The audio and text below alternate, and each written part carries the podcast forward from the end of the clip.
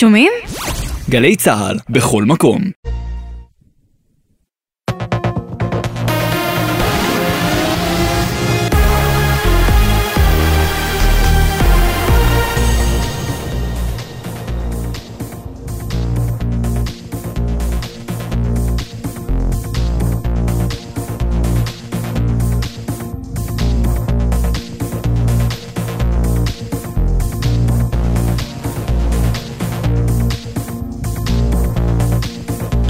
הותר לפרסום שני הפצועים בפיגוע הדקירה הבוקר סמוך לצומת צריפין הם חיילי צה"ל.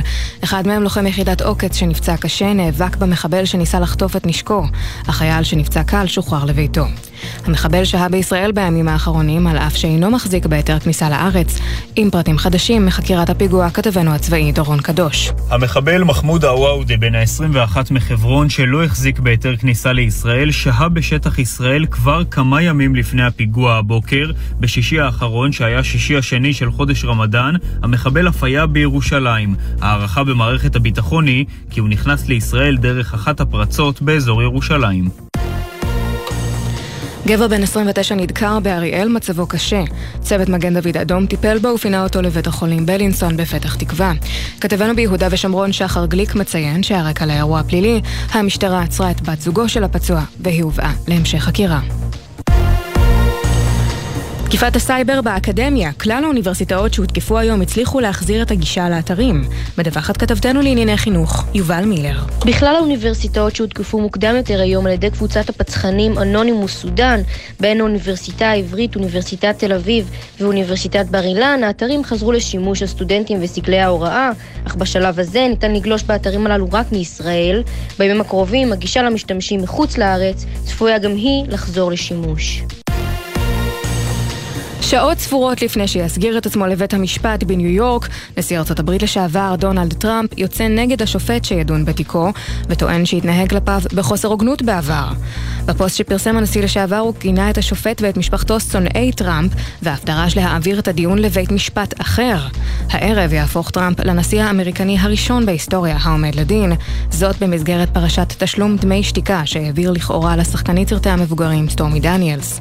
עורך דינו של טראמפ ציין שהוא לא יודה באשמה, גם אם האישומים יהיו קלים, והוסיף שלא סביר בעיניו שהתיק יגיע אי פעם לדיון בפני חבר מושבעים. נתניהו ונשיא האמירויות שוחחו בטלפון ודנו בהידוק הקשרים. מלשכת ראש הממשלה נמסר כי השניים סיכמו להיפגש בקרוב. יניר קוזין, כתבנו המדיני. כן, ברקע אה, המתיחות בין איחוד האמירויות לבין ירושלים, ראש הממשלה נתניהו בירך את השייח' מוחמד בן זייד, נשיא איחוד האמירויות, אה, ואת העם האמירתי החוגגים בימים אלו את חג הרמדאן. כפי שאמרת בשיחה ידידותית וחמה בין שני המנהיגים, הם הביעו את מחויבתם לפעול להמשך קידום הסכם השלום ההיסטורי בין ישראל לאמירויות, וגם שני המנהיגים סיכמו להמשיך את השיח ביניהם במפגש אישי בתקופה הקרובה. עד כאן. ומזג האוויר קר ולח, מחר ירידה ניכרת בטמפרטורות והן תשובנה להיות רגילות לעונה. לעדכונים נוספים חפשו את גלי צה"ל בטוויטר. אלה החדשות, בצוות גלעד בלום וגל ג'רסי.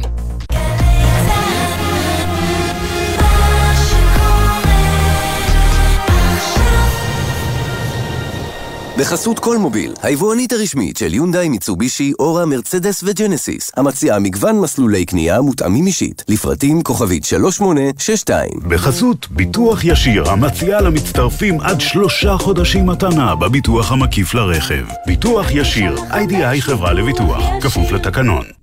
עכשיו בגלי צה"ל, עידן קבלר.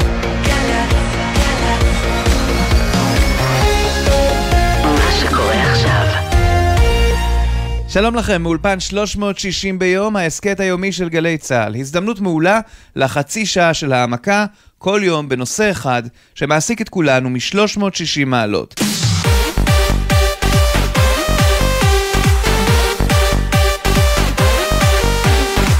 והפעם, חג שמח, פסח, גילויים חדשים, דברים שאולי לא שמעתם על חג החירות, החל ממדוע כולנו בעצם מסובין בהמוננו, ועד אוכל. כמובן שאוכל. איך אפשר בלי? בואו נצא לדרך. פותחים איתך דוקטור יחיאל צבן, חוקר ספרות עברית, תרבות מזון ותרבות המזון הישראלית בפרט, ממכללת אורנים והאוניברסיטה העברית. זה חג מטורף. זה אחד החגים המורכבים, המשונים, המסובכים והמרובדים ביותר שאפשר למצוא בתרבות הישראלית ובמחשבה היהודית. באמת להתחיל לדבר על חג הפסח, ובתחום שלי זה אוכל בחג הפסח, זה להכניס אה, ראש בריא לשולחן סעודה אה, לא שפוי. כי מה שמתרחש שם זה פשוט בלתי אפשרי להכלה ולהבנה. ישי רוזנצבי הוא ראש החוג לפילוסופיה יהודית ותלמוד באוניברסיטת תל אביב, ועמית מחקר במכון שלום הרטמן. חג הפסח, כמו בעצם כל חגי מעגל השנה, מתחיל מחג חקלאי.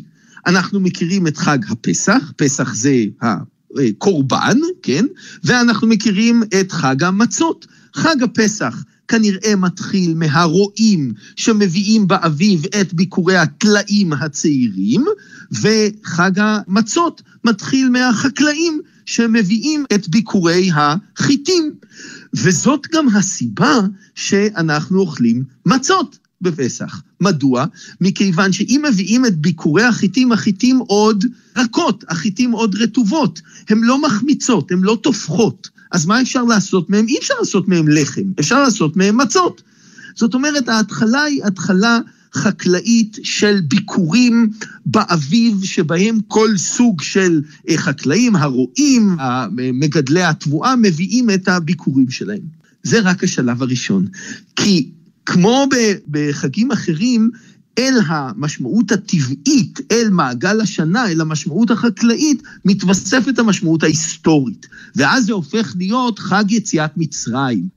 ואפרופו המשמעות ההיסטורית, אתה יודע לספר לנו על הטרנספורמציה, השינויים שעובר החג הזה בין התקופות השונות בהיסטוריה היהודית. במקרא אנחנו מוצאים את החג החקלאי ואנחנו מוצאים את המשמעות של יציאת מצרים.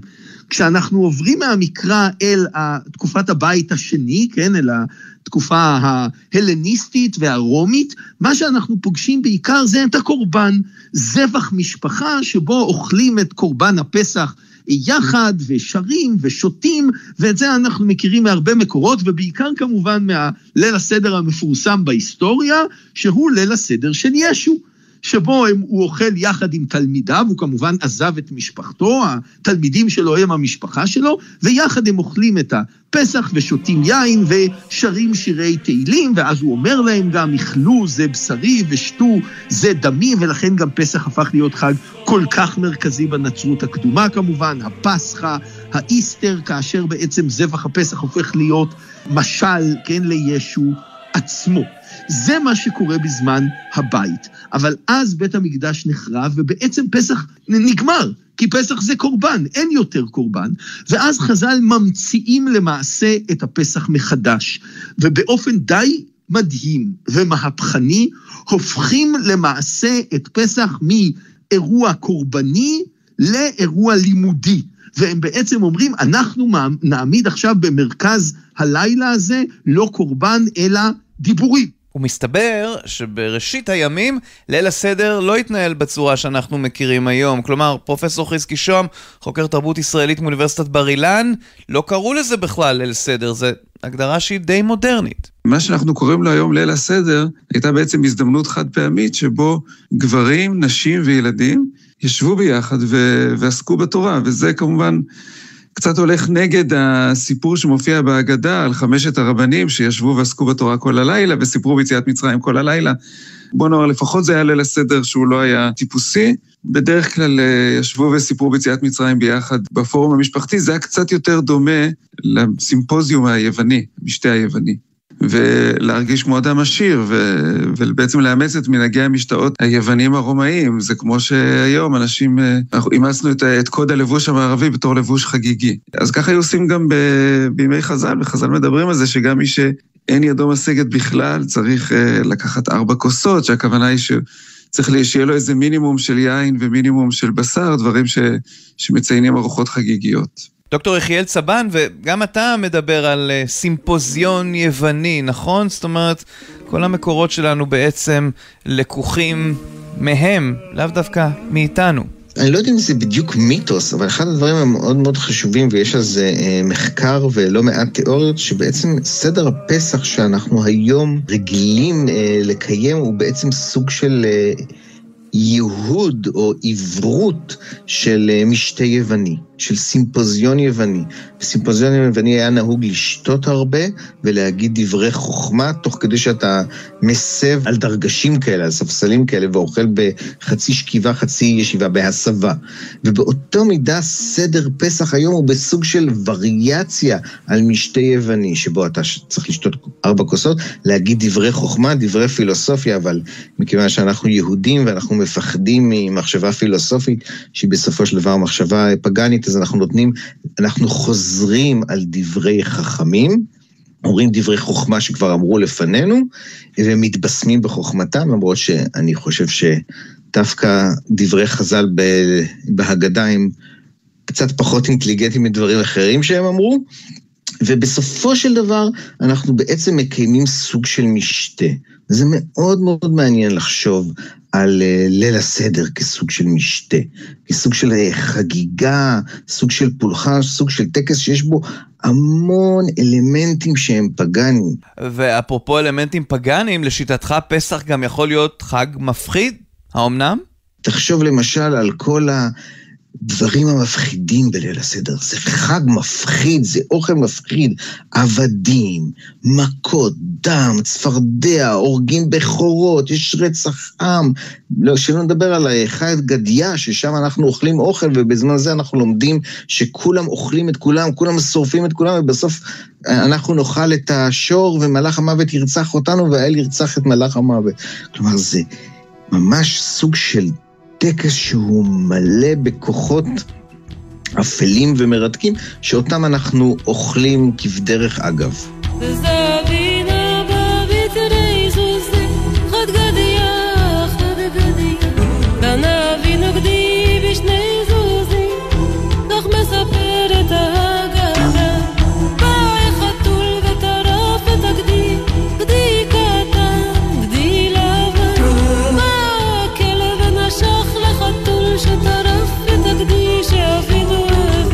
והביחד המטורף הזה, כלומר הגדול, לא הביחד הרגיל של כולנו מסובין, שזה מקדמת דנא, אלא העובדה שיש המונים בליל סדר, זה, פרופסור חזקי שוהם, פשוט ממה? מרגע שהגיעו לכאן העליות הגדולות? כשהעדות השונות נפגשו בארץ, אה, בעיקר החל מתקופת המנדט, אז בעצם נוצר איזה הבדל מאוד מעניין במנהגים בין אשכנזים וספרדים, כשהאשכנזים בדרך כלל היו רגילים לחגוג את ליל הסדר במשפחה הגרעינית, והמזרחים לעומת זאת היו רגילים לחגוג את ליל הסדר עם המשפחה המורחבת. זה כמובן קשור גם להבדל בין ה... בדפוסי ההגירה בין אשכנזים ומזרחים, כי העליות מארצות אירופה בדרך כלל היו עליות של משפחות גרעיניות. והעליות לעומת זאת מארצות האסלאם, היו, היו מלכתחילה עליות של המשפחה המורחבת. מה שקרה בשנות, אחר כך, בשנות ה-50 וה-60, גם בגלל שהעולם שה, של, ש, שיהודי ארצות האסלאם התחילו להיות יותר דומיננטית ברמה המספרית, וגם בגלל שהדפוס החמולתי בעצם בסופו של דבר הרבה יותר מתאים לחיים בארץ, קרה דבר מאוד מעניין שאנחנו לא מוצאים כמוהו בדרך כלל בתרבות הישראלית, וזה שהמנהג של המזרחים אומץ גם על ידי אשכנזים. והחל משנות ה-60 בערך, כולם מציינים את הסדר בפורום של המשפחה המורחבת. ובעצם אפשר לומר שהחברה הישראלית, אה, אם אפשר לקחת ליל הסדר בתור אינדיקציה, אז אפשר לומר שהחברה הישראלית בעצם אימצה דפוסים משפחתיים שמתאימים לעולם המוסלמי, שבתוכו היא חיה מבחינה גיאוגרפית, ולא לעולם המערבי. ויש משהו שמטריף אותך, העובדה שאנשים קוראים את ההגדה בלי להבין מה הם קוראים. אחד הדברים שמאפיינים את, ה, את החברה הישראלית בהקשר של ליל הסדר, וזה גם איזושהי חידה שאני חייב להודות שאין לי תשובה טובה עליה, זה למה בעצם המשפחות הישראליות, דור שני ושלישי ורביעי, גם, גם של חילונים, אה, ממשיכים לקרוא את ההגדה בצורה מאוד טכנוקרטית, בלי לשים לב לתכנים, לפעמים תוך כדי אפילו קצת איזה הפגנת מבוכה, או בדיחות, אתה יודע, הבדיחות הקבועות האלה, שבעצמם גם חלק מהטקס, וביצים במי מלח וכל זה. ואף אחד לא חושב לשנות את, ה, את הטקסט. כלומר, אנשים מרגישים מנוכרים מהטקסט, מרגישים שהטקסט של ההגדה לא מדבר אליהם, אבל נתקעים בכל זאת על, ה, על המסורת ומבצעים אותה בצורה אפילו קצת טכנוקרטית. אם נשווה את זה לארה"ב, אז אנחנו יכולים לראות שבאמריקה נעשה מאמץ אה, באמת להתאים את האגדות אה, ולהפוך אותן לאקטואליות יותר.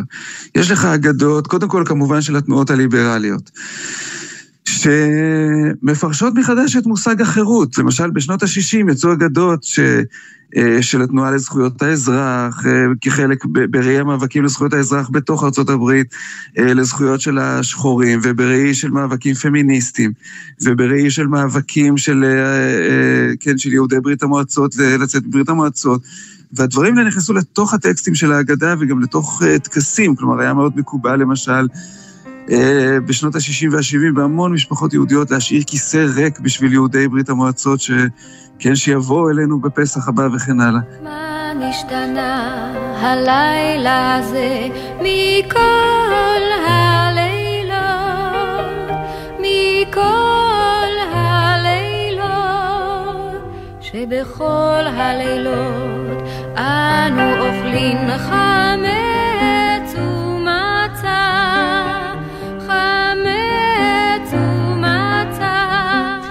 עכשיו הגיע הזמן לפרק מורחב על האוכל של פסח. דוקטור יחיאל צבן, תפתח אתה. כל חג אנחנו מציינים אותו עם מזון. אין חג שהמזון בו הוא לא אקט מרכזי. למעשה בגלל שאנחנו יצורים שכל הזמן אוכלים, יצורים הטרוטרופיים שחייבים לאכול כל הזמן, אנחנו מגדירים את עצמנו דרך מזון. אנחנו מגדירים את הזמן ואת דרך מזון, ורוב הטקסים שלנו הם סביב של מזון. אולי חג המזון הגדול מכולם זה יום כיפור, שבו אנחנו לא אוכלים. והחגים עצמם זה סוג של היתר.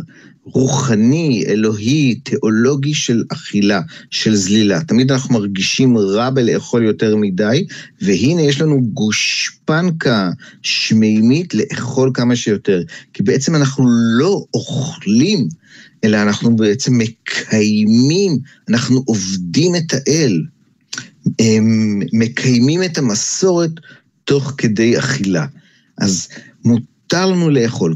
שמיל הולנד הוא שף וחוקר אוכל. מאכלי חג אה, או מאכלים ייחודיים אה, לא רק אצל יהודים, בכל תרבות, לפעמים הם מתוך האילוצים, אה, אילוצי, אילוצי החג עצמו.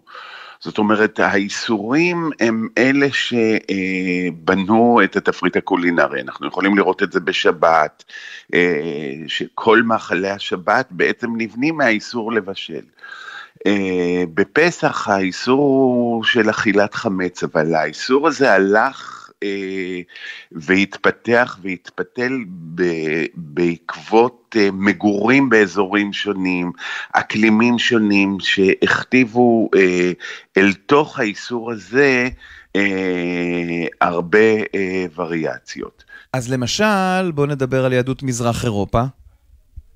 יהדות אשכנז או יהדות מזרח אירופה, שבעצם כשפסח מגיע אין כלום, זה עדיין, זה תחילת האביב אבל זה חורף, זה קר מאוד, וזה שונה מאוד מ...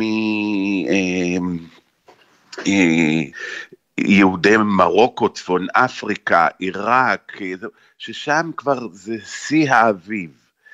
אה, והכל ירוק ויש הכל טרי.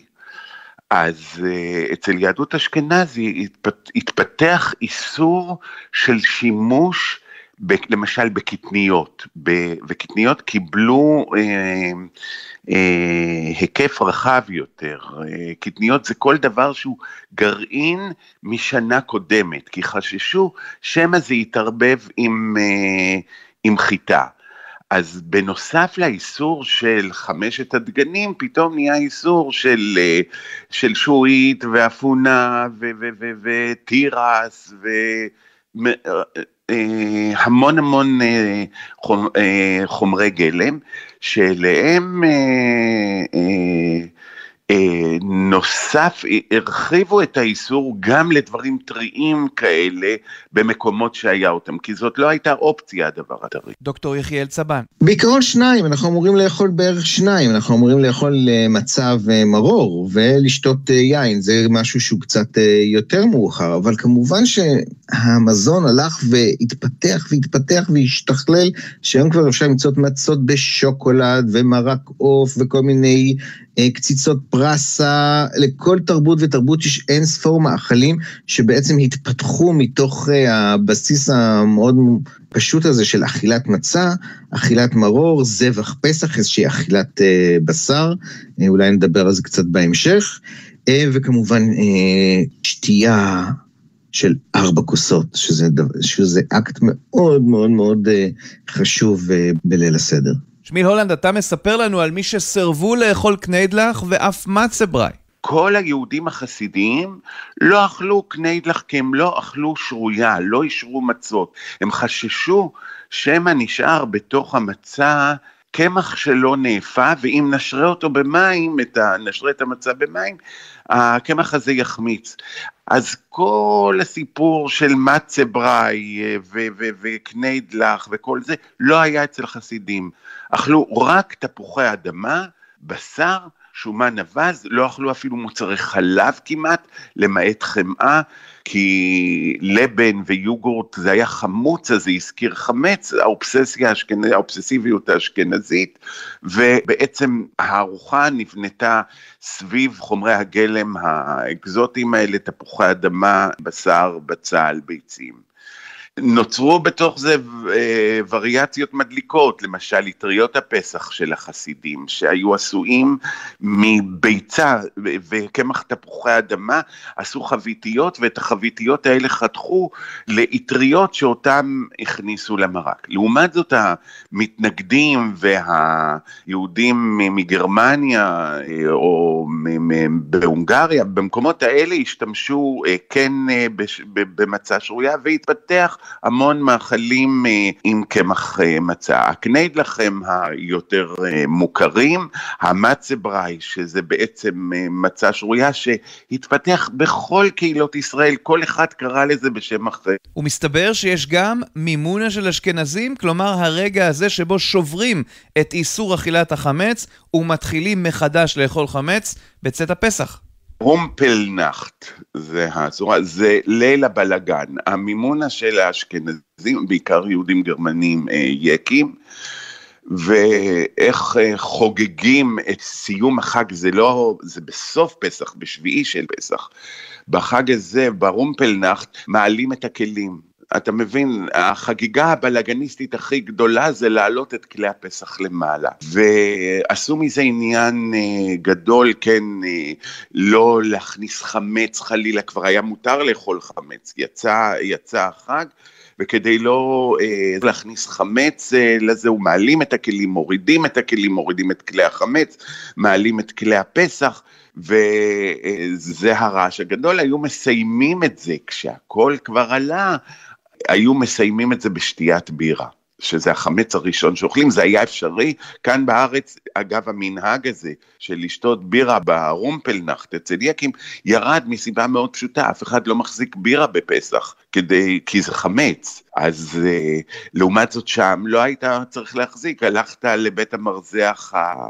הגרמני או הצ'כי, ונכנסת, קנית בירה ושתית אותה, או צירפת את הבירה הזאת. אז כאן בארץ נשאר רק הבלגן, זאת אומרת, רק העלאת הכלים והורדת הכלים, אבל זה היה סביב זה הרבה עניין. ולסיום, פרופסור ישי רוזן צבי, אתה מספר לנו שהחגים הם דבר שמתפתח, הם לא אירוע אחד שיושב וככה תקוע על השמרים כל העת. נורא חשוב לזכור, כשאנחנו חיים את החגים כאילו הם איזה משהו, אתה יודע, מקובע ומקדמת דנא, שאלה דברים מאוד דינמיים, ו...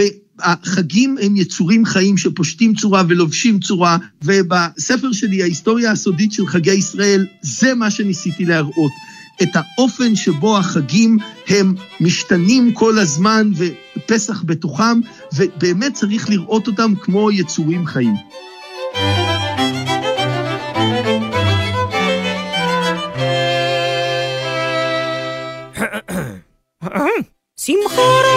עד כאן 360 ביום, ההסכת היומי של גלי צה"ל. בכל יום 30 דקות של צלילה לתוך נושא אחד, שמעסיק את כולנו מ-360 מעלות. אנחנו זמינים לכם ביישומון גלי צה"ל ובכל יישומוני ההסכתים המובילים.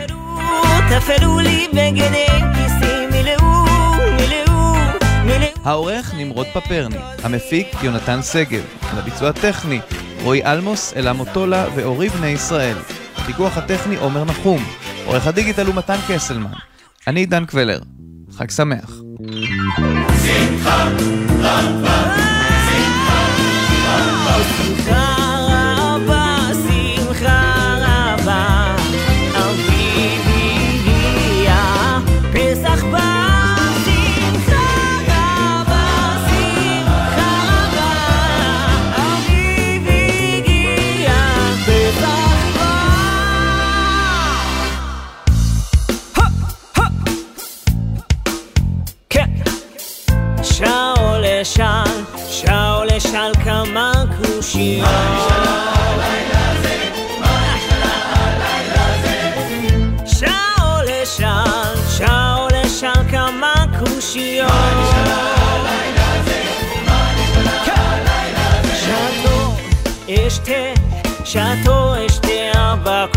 שתו, אשתה, שתו, אשתה ארבע כוסות.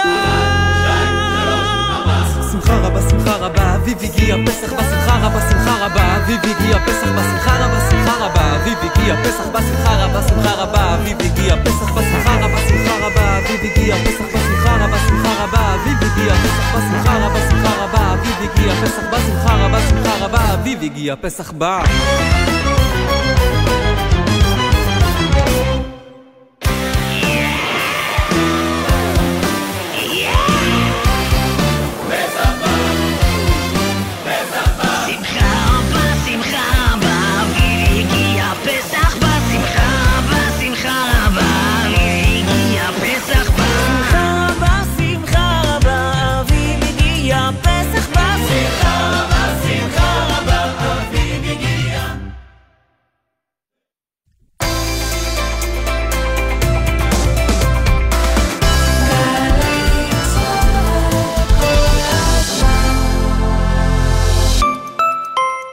עמיתי מועדון חבר, דגמי כלי הרכב החשמליים BYD בהטבות מיוחדות, רק לכם. לפרטים כוכבית 4904 או באתר מועדון חבר. חבר זה הכל בשבילך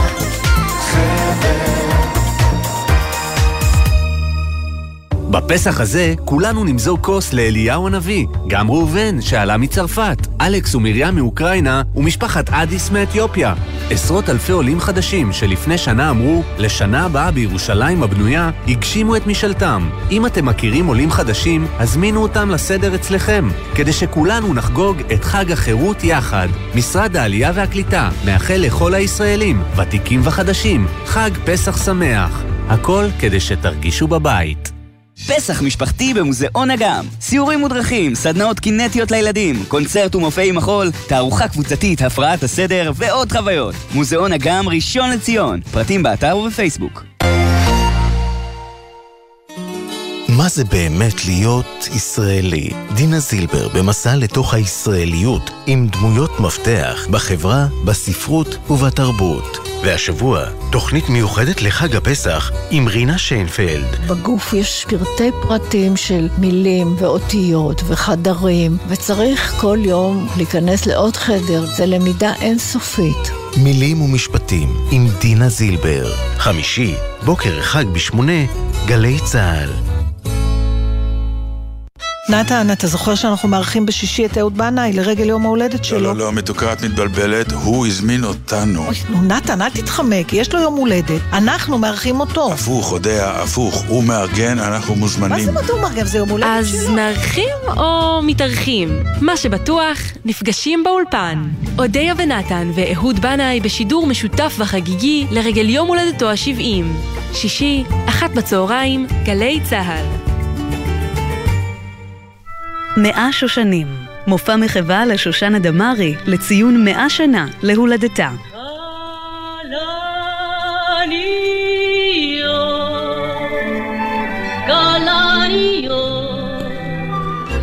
משתתפים שלומית אהרון, אסתר רדה, קרן הדר, עדי כהן, תום כהן, ולרי חמתי ותזמורת סימפונט רעננה, במסגרת פסטיבל ימי זמר בתיאטרון חולון. ניצוח והנחיה, דוד זבה.